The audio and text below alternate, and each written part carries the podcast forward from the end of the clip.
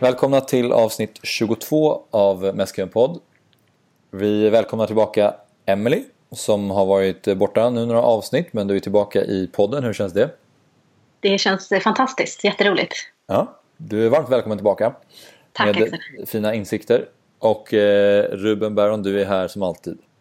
Yes, inte, inte nyhetens behag, men jag är här.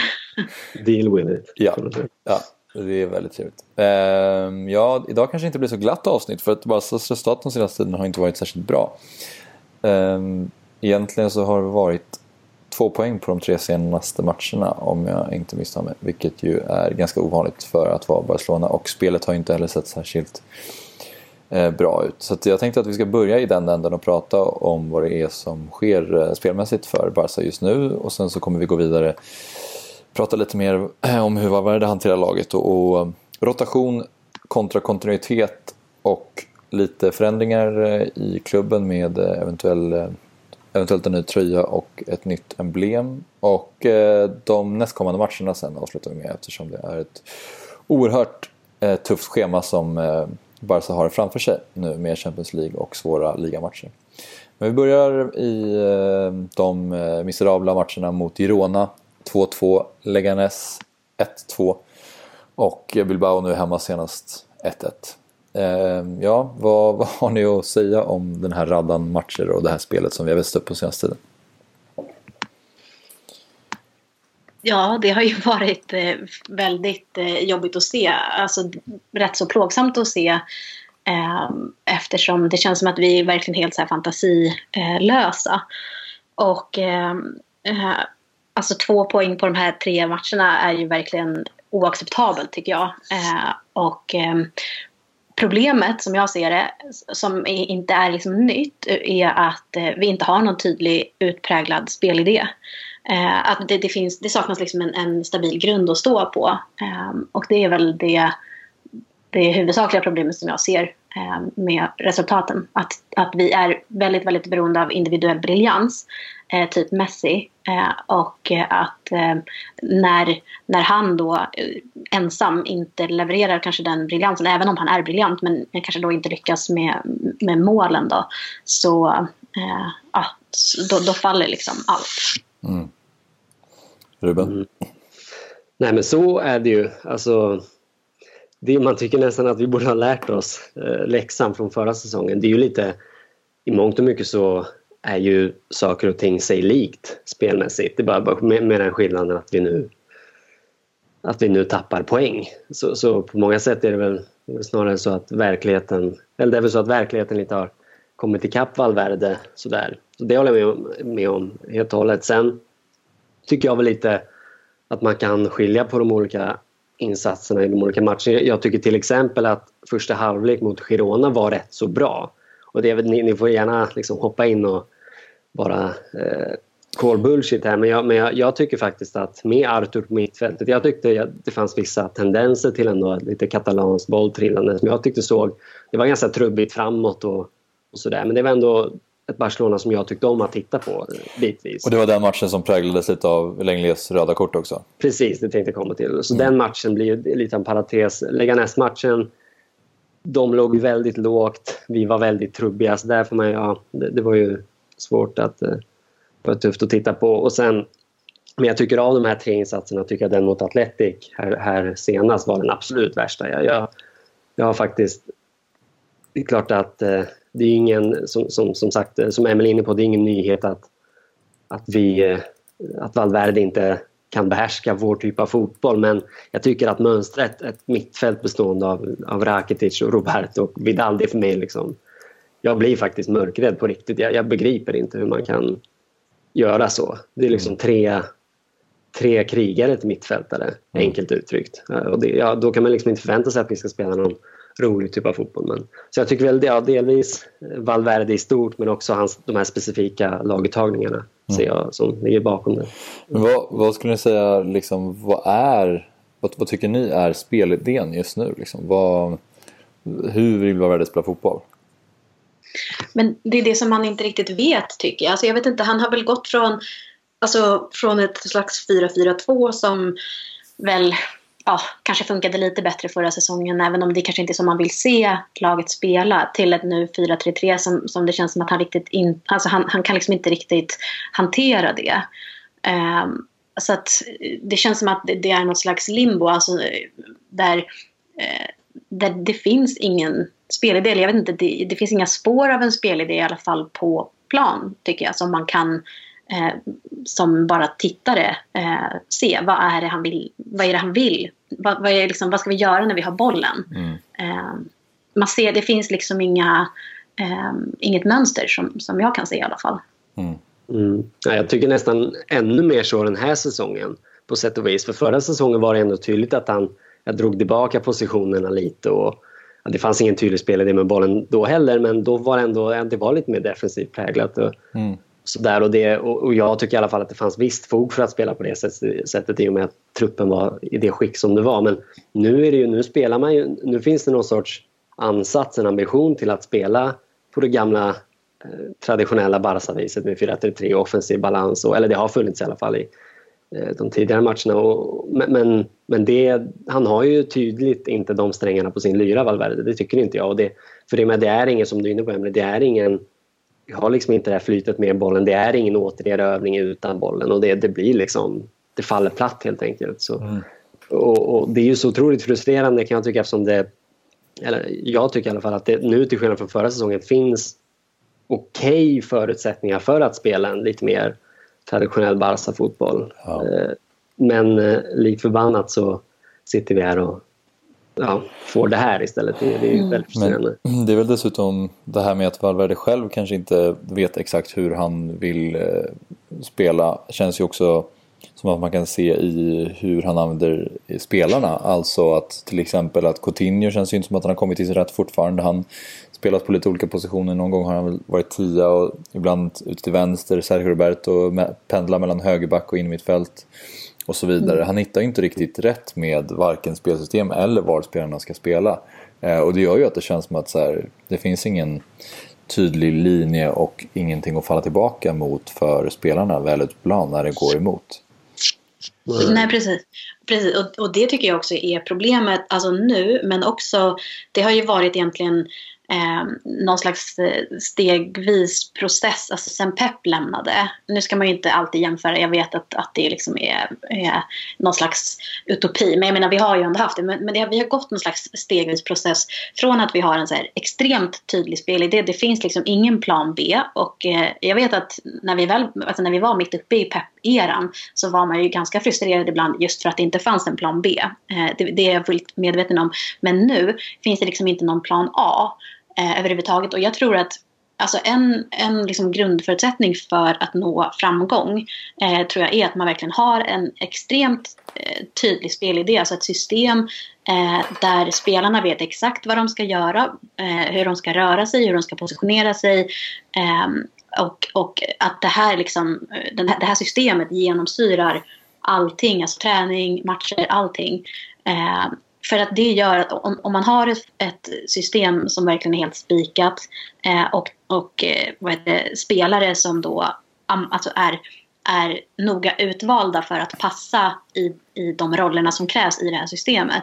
Så tror jag att då har man ju liksom ett kollektiv som funkar och det gör att man, man kan typ byta ut spelare, alltså rotera då, eh, utan att kanske egentligen förlora så mycket på det. För att man inte blir lika beroende av den här individuella briljansen mm. eh, som vi är idag.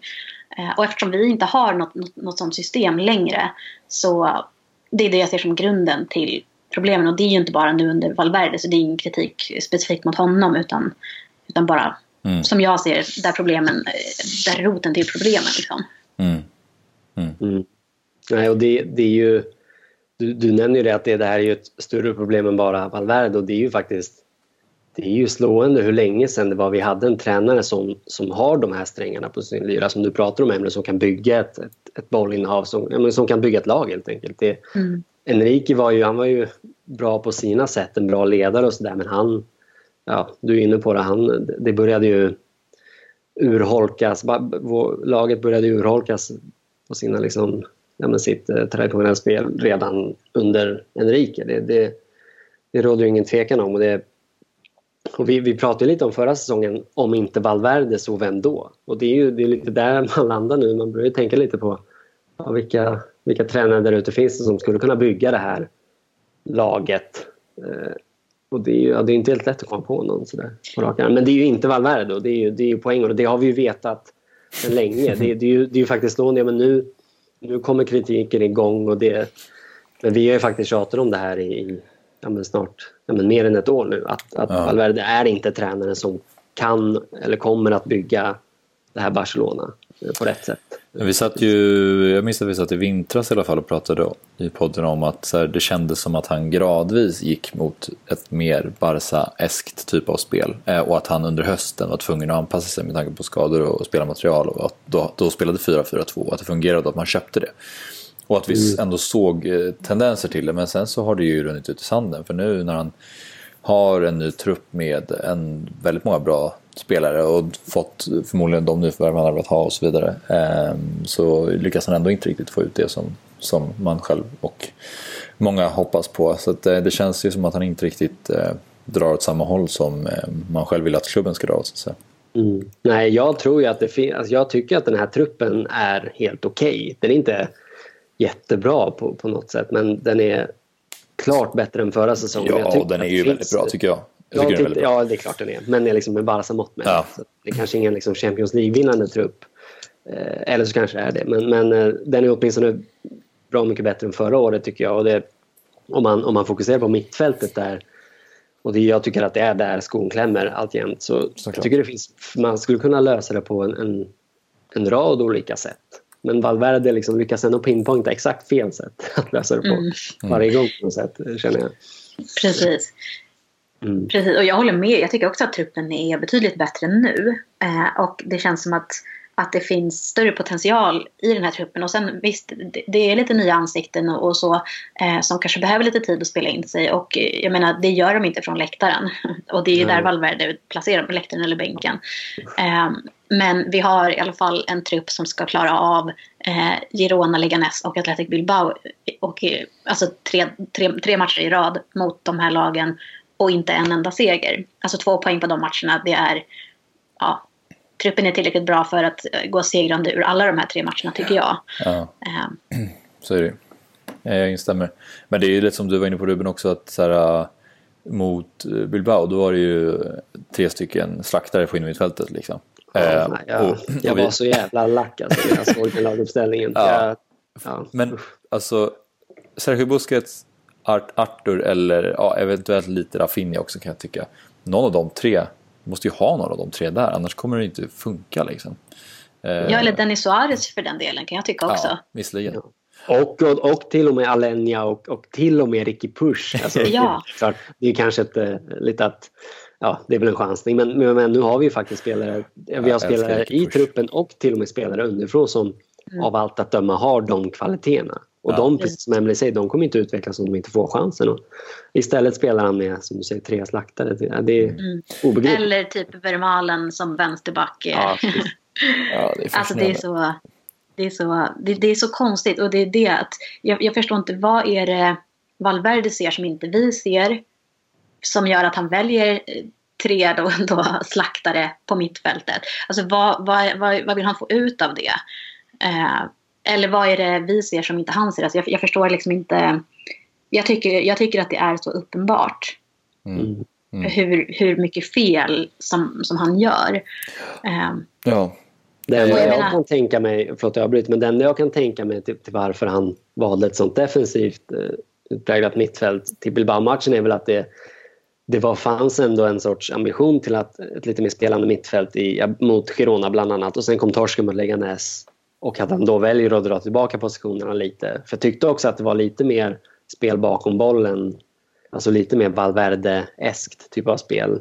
Eh, även om man, om man liksom bortser från, eh, det går ju hand i hand såklart, men om man bortser från vilka spelare så rent taktiskt att det var lite mer förra säsongen också över den matchen. Mm. Och det, men det är ju så otroligt räddhågset i så fall. Jag menar herregud, är det två poängtapp som krävs för att du ska liksom byta linje helt. Ja, det är ju ja. det är uselt i så fall. Men, men jag menar, ja, det är ju, blir spekulation. Jag, jag, vet ju inte heller. Det är ingen av oss som mm. begriper hur han tänker. Men... Nej, men och de förändringarna också som, som görs.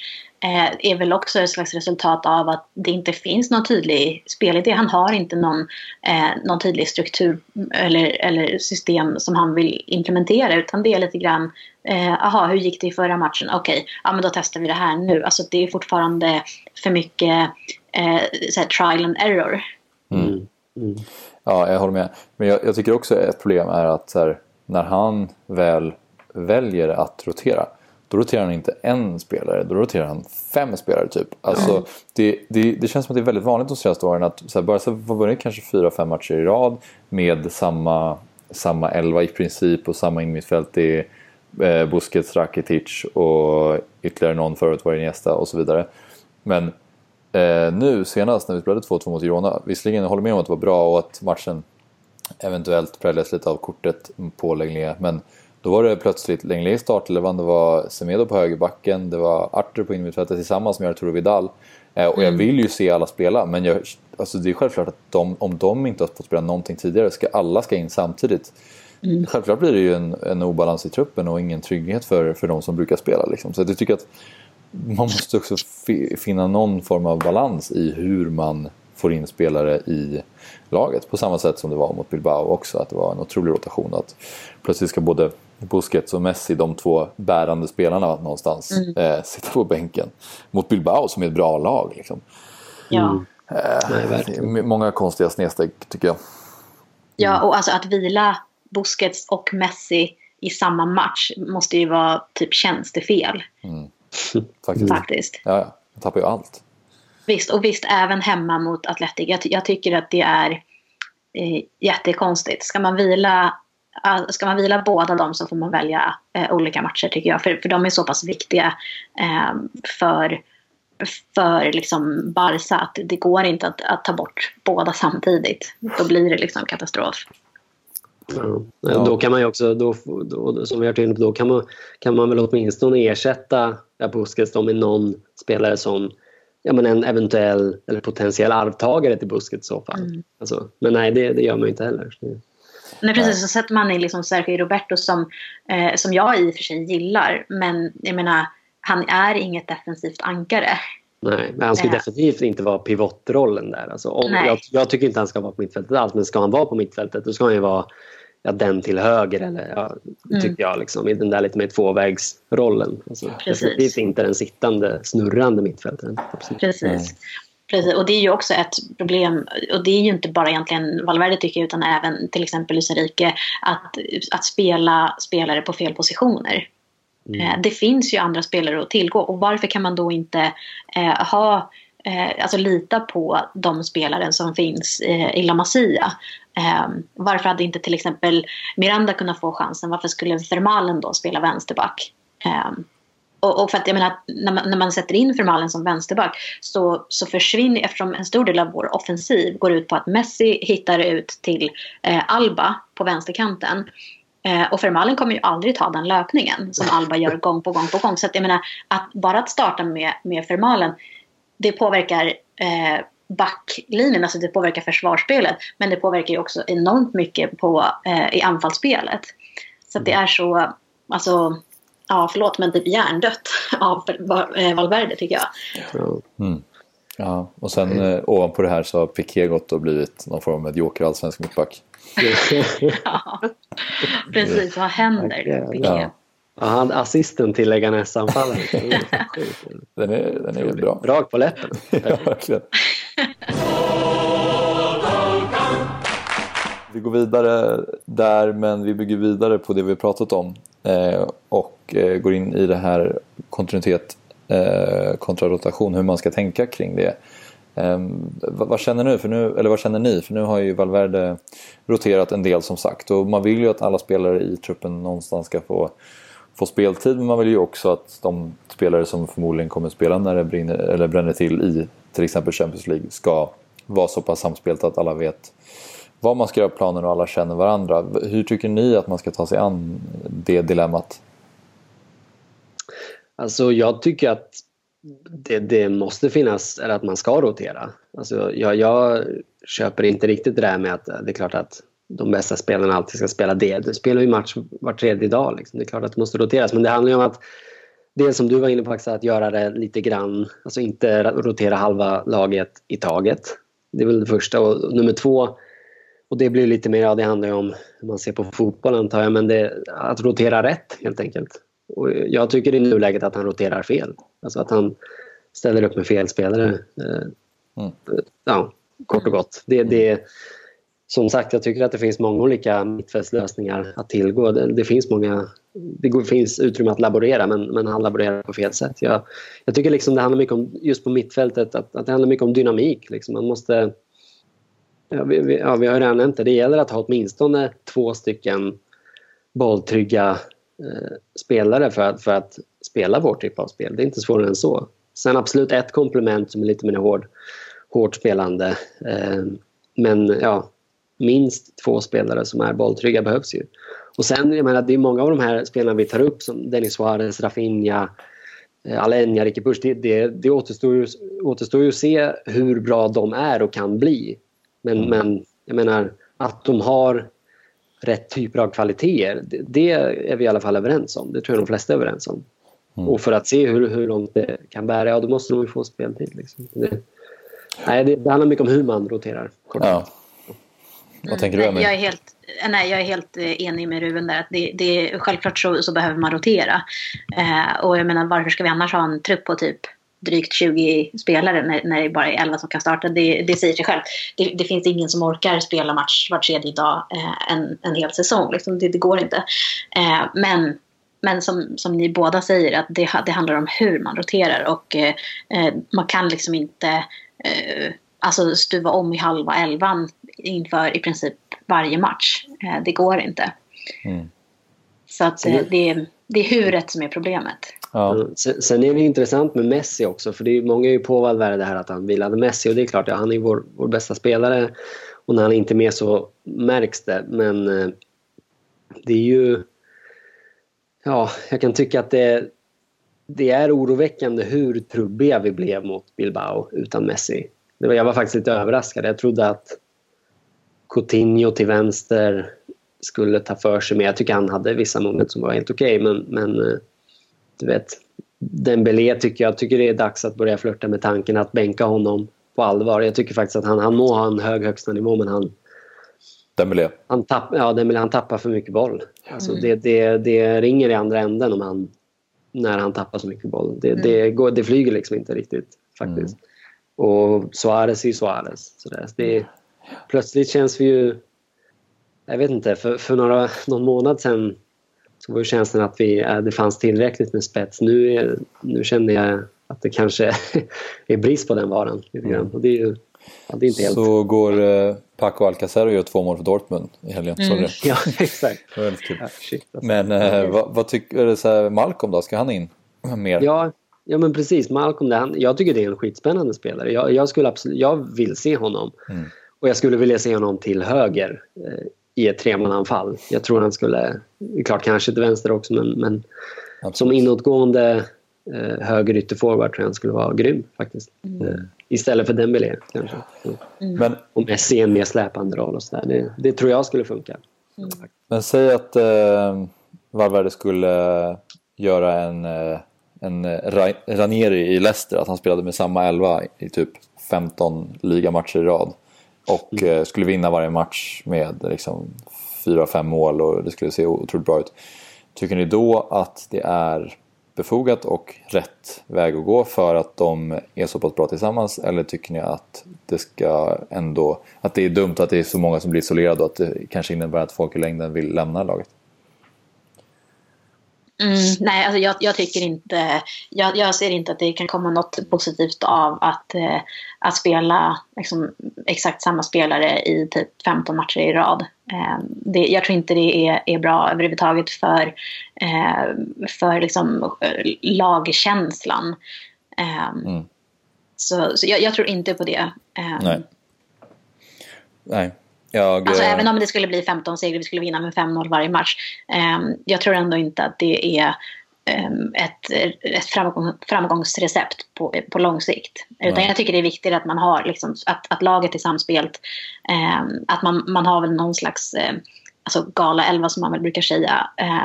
kanske, men att alltså man kan inte stå och falla med 11 spelare utan vi har en trupp på 23, jag vet inte exakt hur många det är nu, men spelare och alltså, jag tycker att, att alla behöver vara involverade, eh, mm. mer eller mindre. Mm. Det är ju det är också hög tid att vi börjar dra igång den här generationsväxlingen nu. Alltså som man, eh, att döma av eh, transferfönstret, som man trodde skulle ha, ha kommit igång vid det här laget. Men alltså det, det, det gäller ju att liksom bygga, man måste ju ha ena ögat på nästa säsong och nästnästa säsong. Och jag menar det, det verkar de ju inte ha.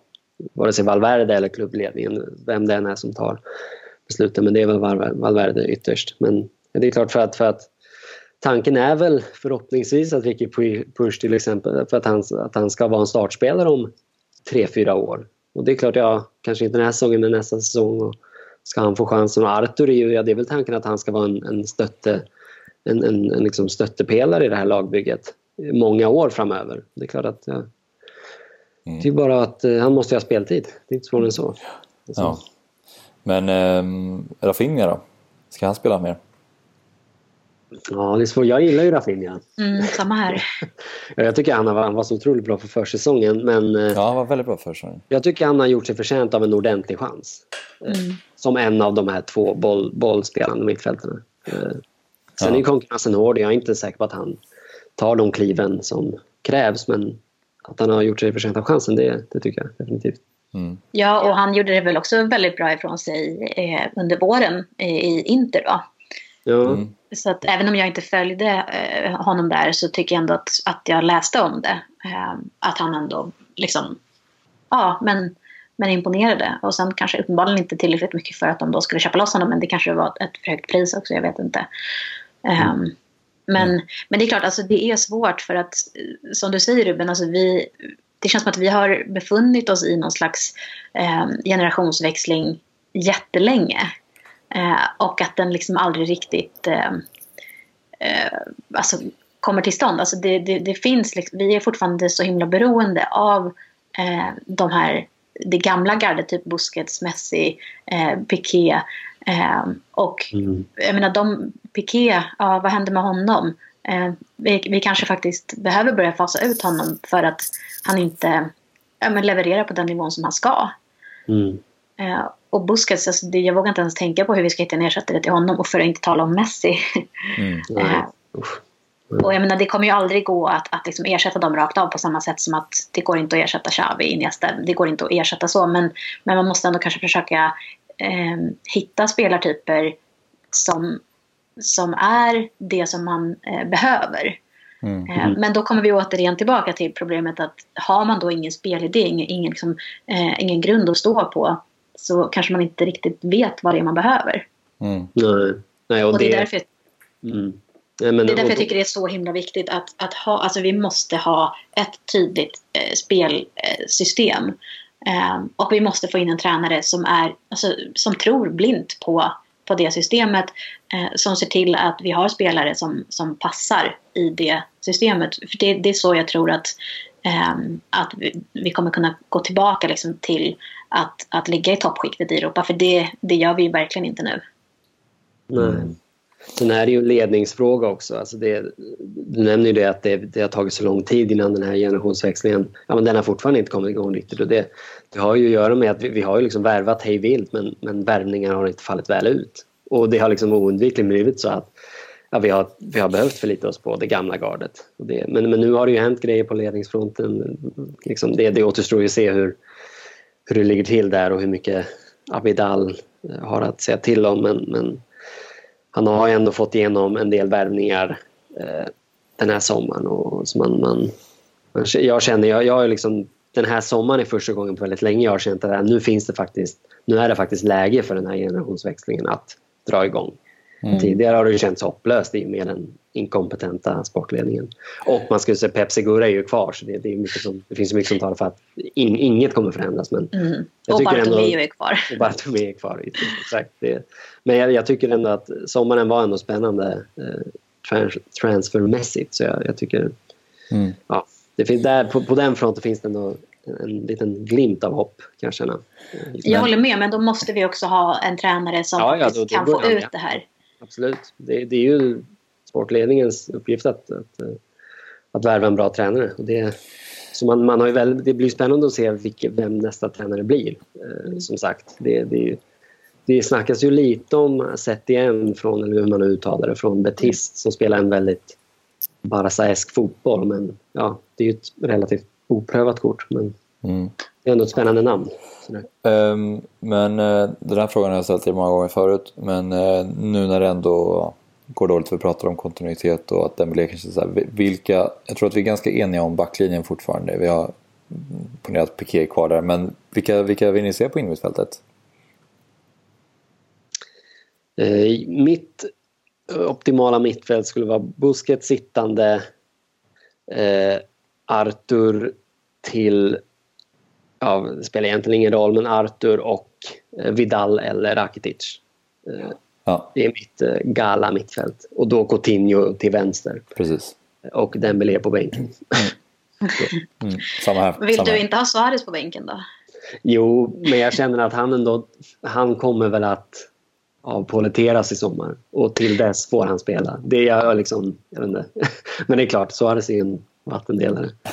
Eh, men han gör ändå, jag tyckte ändå när Munir spelade mot Leganes, jag, jag, det är klart Alba var inte där och löpte på sin vänsterkant som du var inne på Emily, men jag, där kände, fick jag ändå känslan att fan Suarez, han, han må vara kantig som tusan men han, han löper och han, är, han har ändå han lägger ändå ner ett ganska stort arbete alltjämt. Alltså, Trots att han är så, så trubbig på så många sätt. Men, eh, Så jag tycker att Dembélé är ett...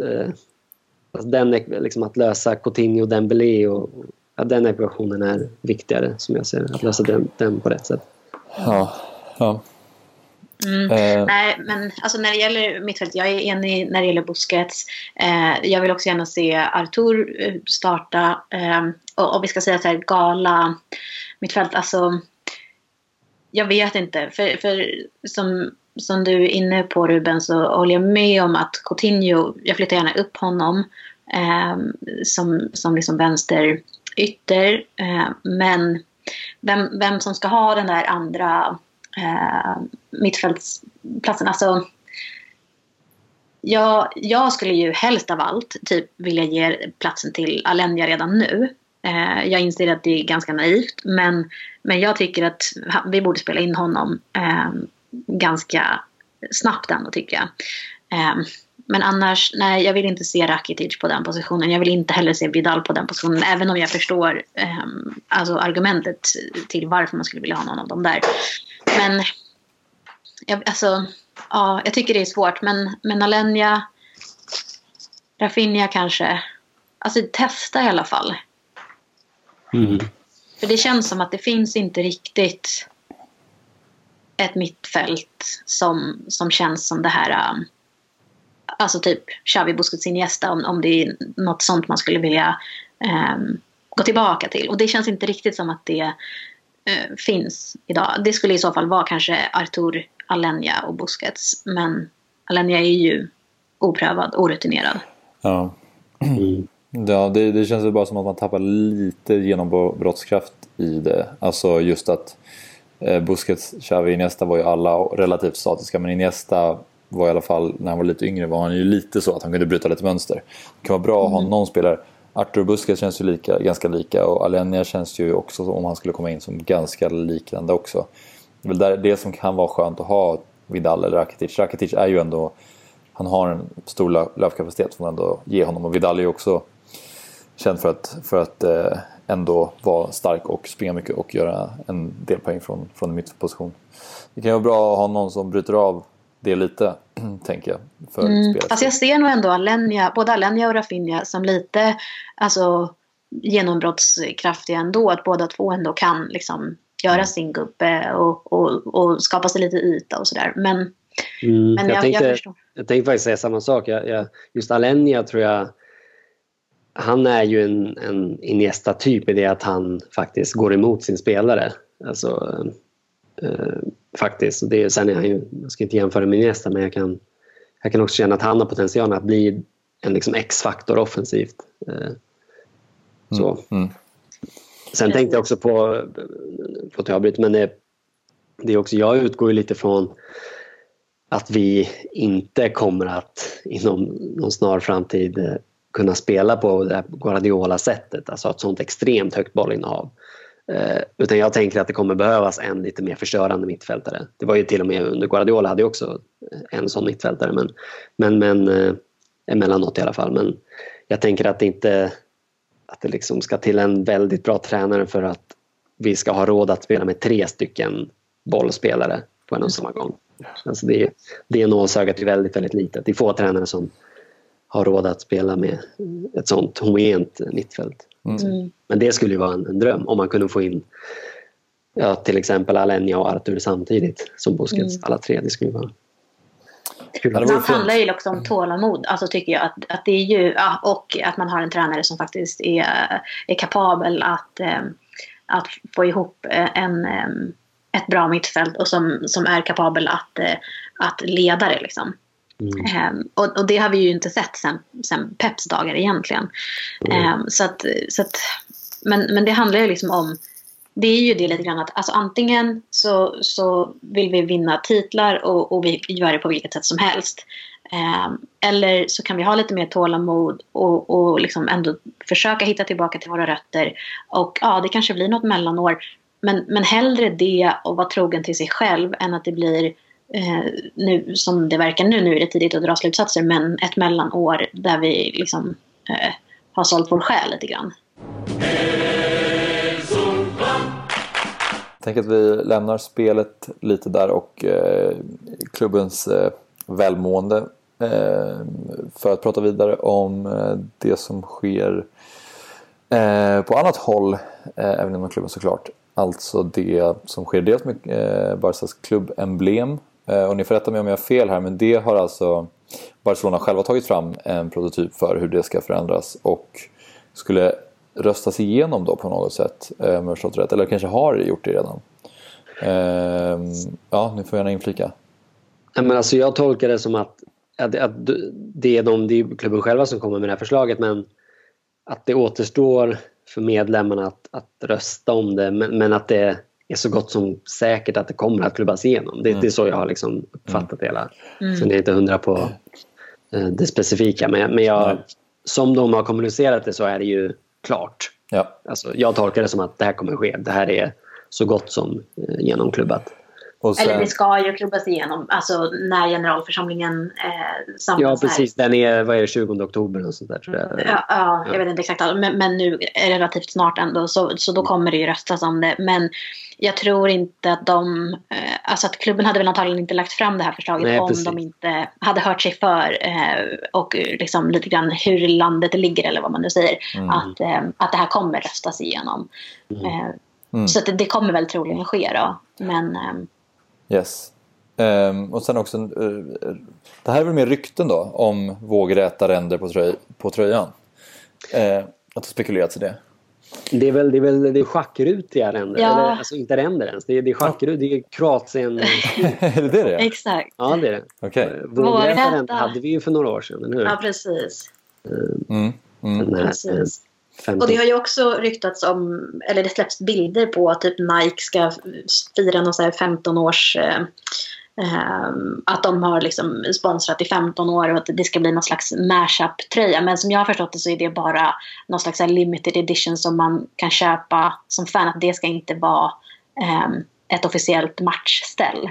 Nej, precis. Utan det är just det här Kroatien-inspirerade, mm. rutiga som, mm. som det väl ryktas om. Mm. Ja, det är rörigt. Men vad, vad känner ni kring eh, de här två olika förändringarna? Om det nu skulle gå igenom båda två. Så. Alltså om tröjan? Eh, ja, generellt. Både, alltså, det finns väl olika parametrar att lyfta kring det här med förändringar och eh, rent estetiskt också. Vad man tycker om det är snyggt eller inte. Eh, men ni får lyfta lite vad ni känner. Men alltså en rutig tröja, äh, då tror jag att jag kommer... Det är över. Alltså, ja, då är det över. Nej, men det vore nej, alltså jag kan bara inte se det framför mig. Det, det vore...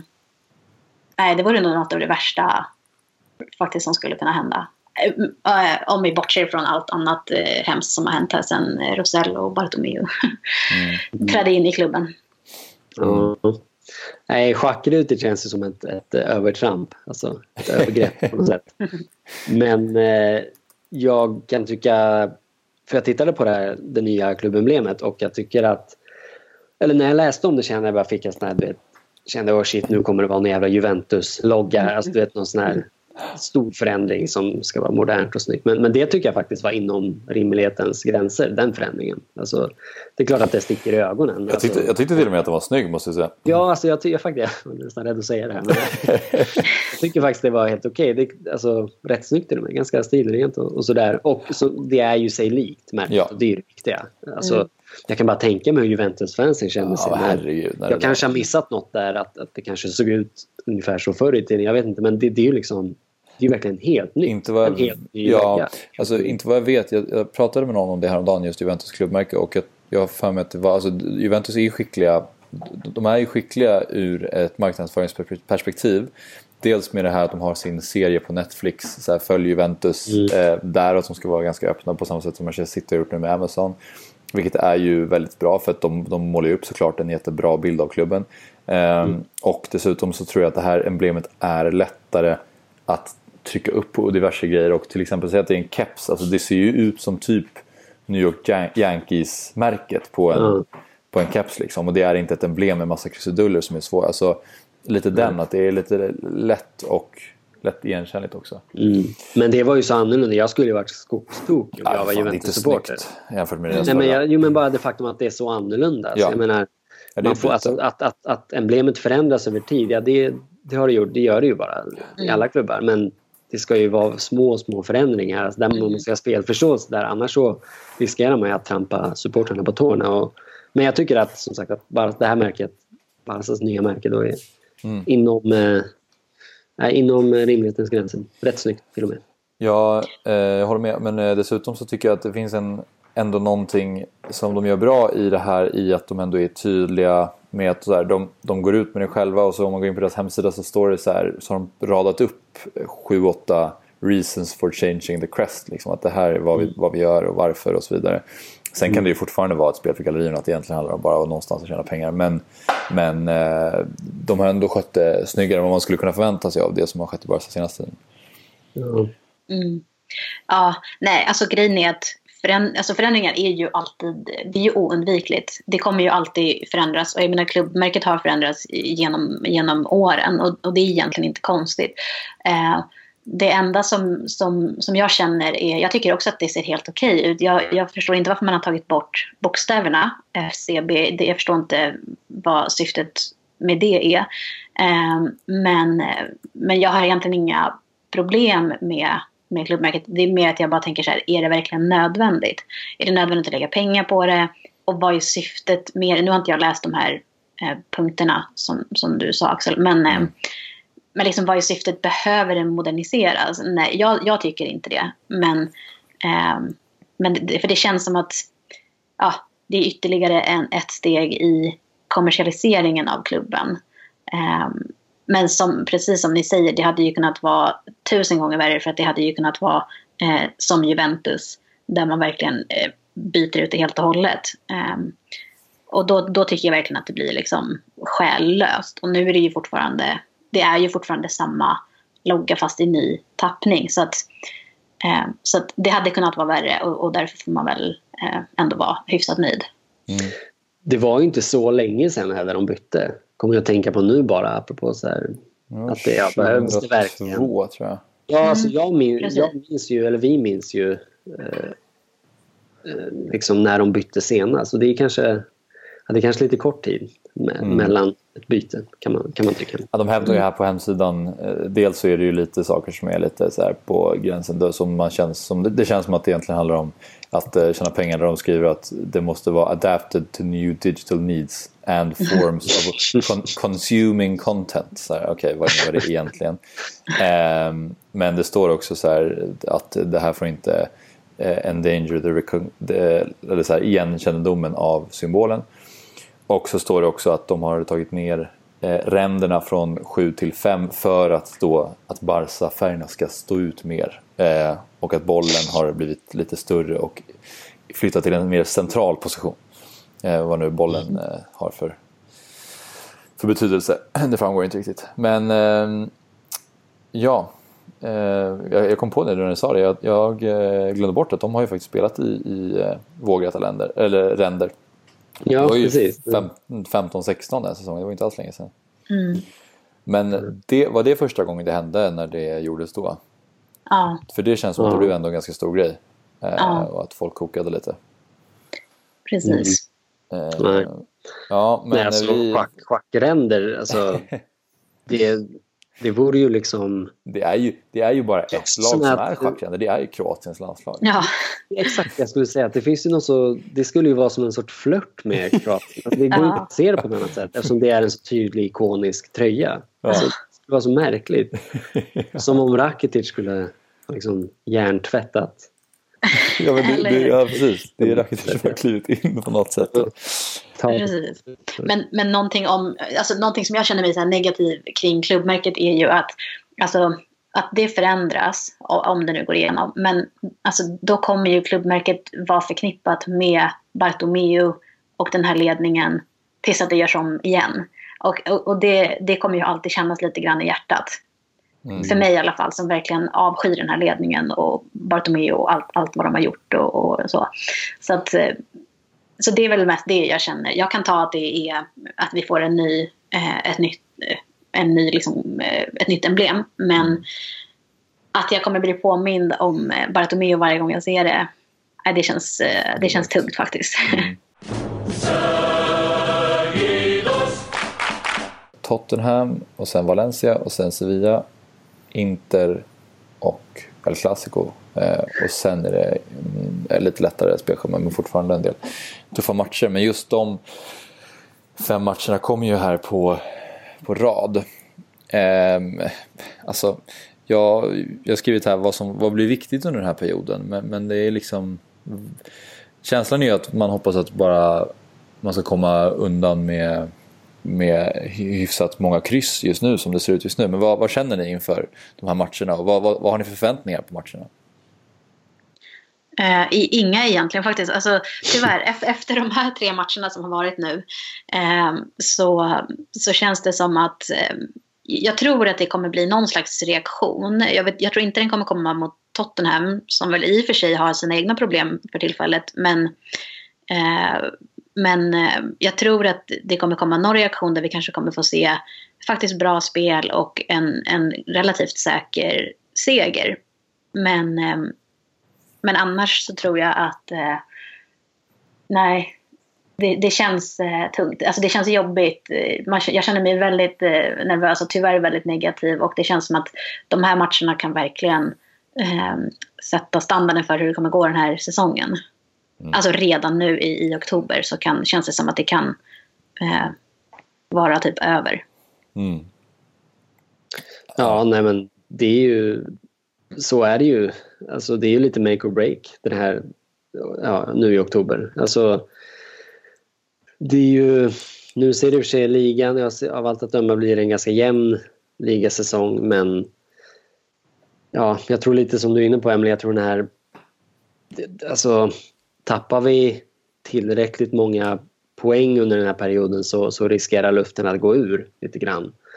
Och i och med att vi inte har något, något eh, spel eller en, en spelmodell att eh, liksom luta oss mot när det stormar så ja, jag tror det, det riskerar att bli liksom punka helt enkelt. Så, så, så tillvida är det ju väldigt nojigt eh, faktiskt. Men, men sen tror jag väl också att det, vi, det, det kommer ju inte, nu har vi ju roterats nu, det kommer ju ställas upp med, med, med det kommer ju vara slagkraftigt eh, lag på banan eh, mot, åtminstone mot Tottenham men, men även framöver. Eh, och, och det är klart med Messi och sådär, det är klart att vi kan gå segrande ur många av de här fighterna men eh, det, det är, insatserna är väldigt höga, så kan man uttrycka det. Eh, Ja, de är ju verkligen det. Eh, vad, vad tror ni att... Eh, om vi tar en match i taget lite grann, alltså Tottenham till att börja med. Du, Emily, tror ändå att vi kommer ta en komfortabel seger? Eh, Nej, nej. Inte? De är så höga. Nej, nej. Nej, Okej, absolut inte. Jag tror, att, jag, jag tror att det kommer efter, eftersom det har gått dåligt nu så känns det som att det kommer komma någon, en reaktion eh, i någon av de här matcherna. Okej. Där vi, där vi kanske Okej. tar liksom en, en komfortabel seger. Jag tror inte det kommer bli mot Tottenham. Eh, jag tror inte det kommer bli mot eh, Valencia. Jag tror att det, alltså, det skulle kunna bli mot Sevilla. Mm. Eh, jag vet att de har gått bra nu, men, men jag tror att det skulle kunna bli mot Sevilla att, att vi skulle kanske kunna vinna liksom 3-0 eller någonting var ändå hyfsat övertygande. Men eh, alltså om vi börjar med, med Tottenham-matchen så tror jag att eh, jag tror det kommer bli jättesvårt faktiskt. Eh, mm. Även om ju Tottenham har, det har gått lite knackigt för dem och jag menar de förlorade första eh, Champions League-matchen mot Inter eh, på ett ganska snöpligt sätt. Så att, så att jag menar de har väl lite revansch och utkräva. De behöver ju vinna. Mm. Om de ska vara, vara fortsatt med i, i gruppen känns det som. Mm. Mm. Så att, eh, men jag menar jag skulle vara nöjd med kryss borta mot Tottenham faktiskt. Ja. Ja, vad tror du, vad tror du Ruben? Nej, men jag, alltså, jag tänkte på det lite nu. Att jag, håller väl, jag, jag känner väl lite som Emelie att det... Eller så här, det är ju frågan vad är vad är ett dåligt resultat här? Alltså, kryss mot Tottenham är ju, det är inte ett så dåligt resultat faktiskt. Det är ju ett bra resultat, särskilt eftersom det är borta och, och vi har en seger i bagaget. Och, mm. ja, det är ju ett bra resultat. Kryss mot Valencia, ja, det är ju också ett helt okej resultat. Men, eller förlåt, är det borta? Nu blir jag osäker mm. här. Det är borta, ja. Ett kryss ja. på Mestalla är ju liksom, det är inte fy skam. Alltså, de det tar man ju. Ja, absolut. Och det är ju bara det faktum att det då skulle vara, ha gått så många matcher utan seger som gör att man känner att äh, där kanske vi ska vinna. Men, men bortsett från det så är ett, ett kryss där helt fine. Och då, mm. blir ju, då blir ju med andra ord Sevilla-matchen, för det är hemma ju, det blir ju en riktig ja, vi har tre raka matcher där. där. Alltså. Sevilla-matchen, skulle vi inte vinna den matchen, ponera att vi har då kryssat både Tottenham och Valencia, mm. eh, eller till och med förlorat någon av dem, då är det ju verkligen sådär den matchen ska vinnas. Mm. Eh, annars är det ju faktiskt, ja, går det inte, går det inte annat än att liksom, ja, ta till krisstämpeln helt enkelt. Mm. Känns det inte som att eh, Barca det senaste året eller de senaste åren kanske till och med har varit så här betydligt sämre på bortaplan kontra hemmaplan? Alltså de är ju alltid starka på eh, vad fan heter det? På eh, Camp Nou. Men, eh, men det känns mm. som att så här, det är ju nästan ett annat typ av spel. De är lite, de är lite liksom, alltså om man jämför med till exempel Roma-matchen. Alltså, de, de körde över Roma ändå stundtals och vann med 4-1 hemma va? och sen förlorade med 3-0 borta. Eh, jag tycker att det känns som att bortaplan är, de blir, de blir eh, märkbart sämre eh, på bortaplan. Liksom. Och det, det blir många lag men jag tycker att det känns som att det är större skillnad nu än vad det varit tidigare. Jag vet inte ja, så, alltså Champions League är ju, alltså, där är det ju helt otroligt. Alltså senaste, jag vet inte nu, tre säsongerna har vi ju åkt på däng borta. Alltså, mm. I slutspelet åtminstone. Och även i gruppspelen också har det varit tufft. Men jag menar det är ju verkligen så här, vi har ju PSG-matchen, Juventus-matchen, det är ju ja. överkörningar. Alltså, ja. mm. Kontra att vi har liksom spelat bra hemma. Mm. Men PSG-dubbelmötet är ju, ja, det är också så, ja. säger ju en del. Alltså, mm. Precis. Jo men borta känns, men det kändes även tycker jag, särskilt Champions League, även under Pep alltså att det, vi hade problem borta i Europa även då. Så, att, um, så, så jag, det ser jag ändå liksom inte som någon ny företeelse eller att det skulle vara alltså, kopplat till typ Luis Enrique eller, um, eller Valverde. Men men jag tror, det känns inte som att, alltså, undra om Valverde åker till London nu med, med eh, målet att vinna. Det vet mm. jag inte. Jag tror att han alltså, skulle känna sig nöjd med, med kryss faktiskt. Mm. Ja, kanske. Alltså.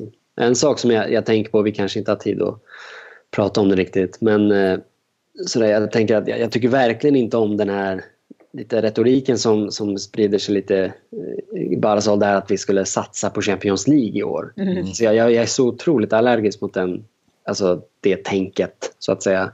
Alltså för, för mig liksom, att vi skulle, det är ju Real som håller på sådär och vinner mm. Champions League och du vet, jag tror Puyol, eh, Puyol tweet, gjorde en bra tweet tyckte jag. Han liksom sa att, och, eller det var väl någon sorts, de, eh, från någon intervju så där, men han, han sa att om Barca skulle göra som Madrid och liksom eh, ja, men, köra krona eller klave bara i Champions League och satsa allt på det. Mm.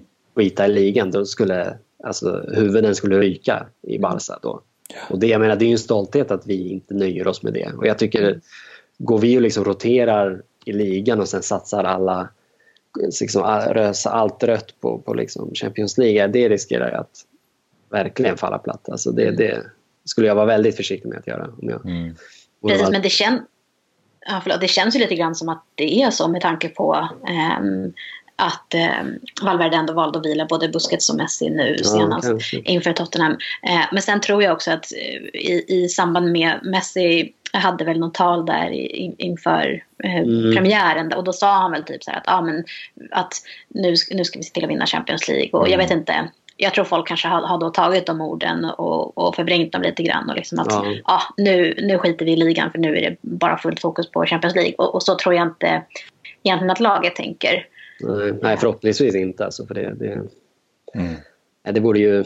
Jag vet inte hur ni känner, men jag känner just att Champions League det är grädden på moset. Och det, är- det är klart, det är den, kanske den, den största titeln, tyngsta titeln, men det är just grädden på moset. Den är Mm. värd väldigt mycket mindre om man inte har ligan också. Mm. Alltså, Ja, det, det jobbiga tycker jag är ju att det är ju betraktat som den största segern Ja, i allmänhet och att är det det, ju det. det är ju så att, och jag, tror- jag tror att om du frågar en opartisk eh, person som följer internationell fotboll skulle nog säga att eh, Real Madrid hade ett eh, mer framgångsrikt år än vad Barcelona hade förra året.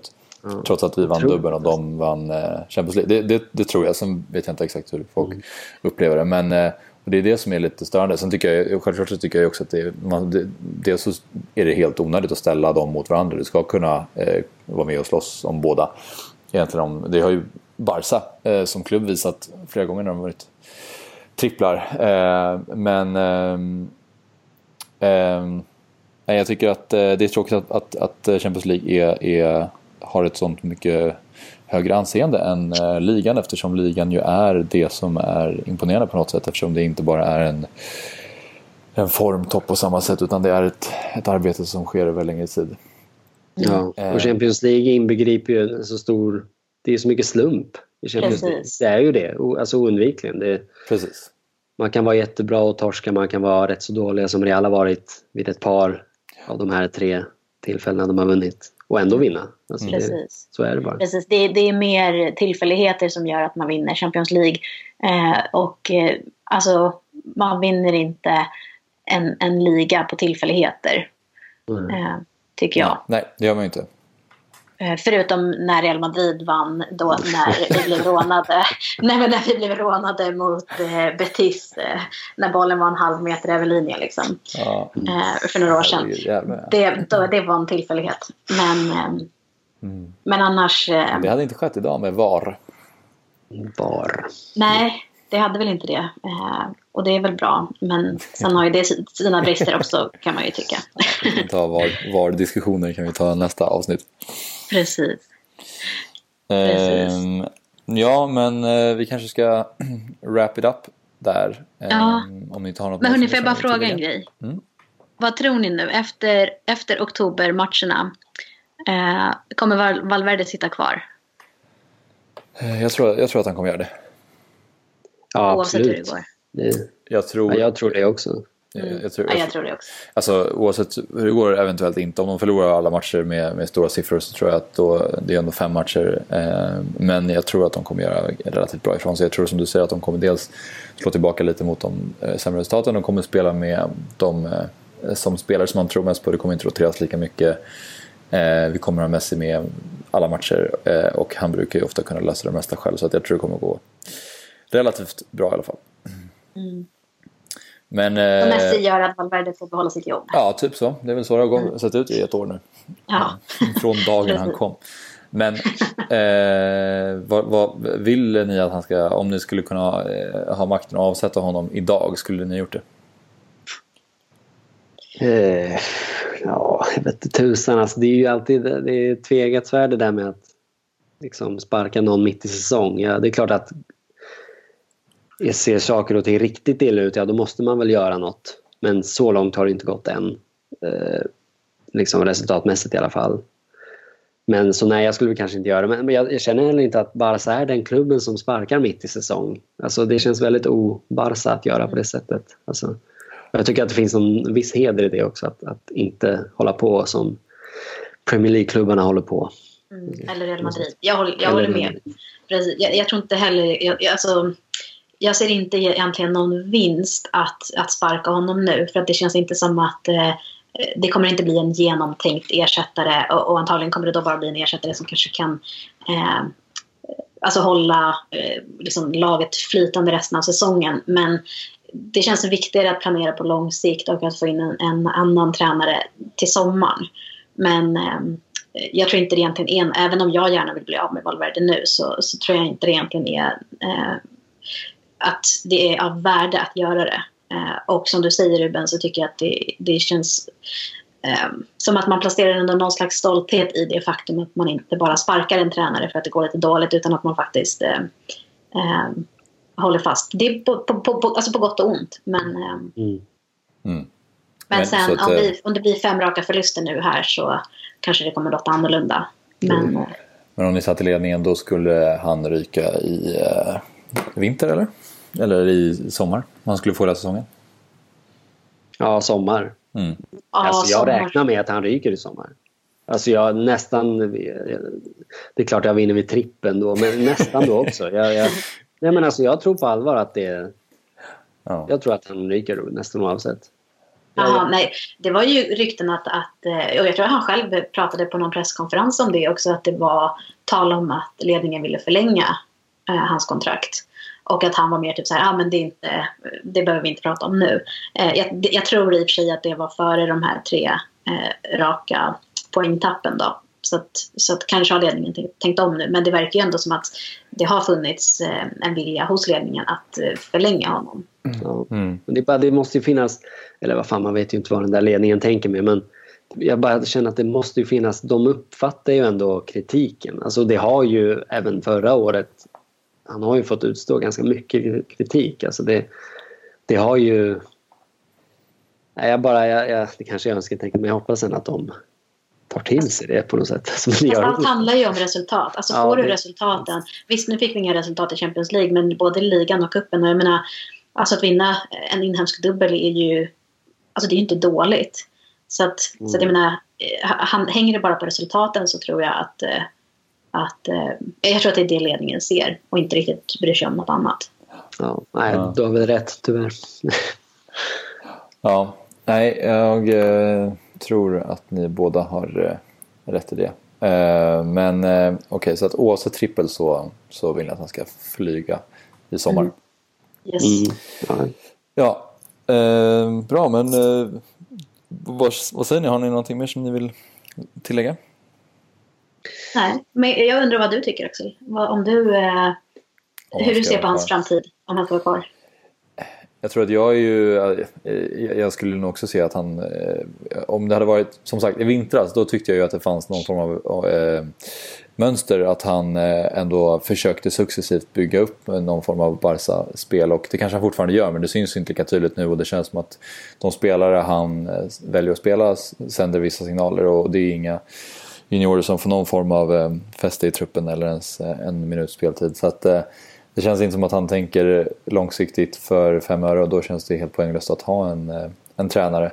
Sen är jag nog mer resultatorienterad än eh, vad ni är eventuellt för att jag tycker fortfarande att det finns någonting viktigt i att fortfarande plocka hem eh, titlarna. Men det, det känns som att så här, hans, eh, det han gör och står för är inte riktigt i linje med, med Barca.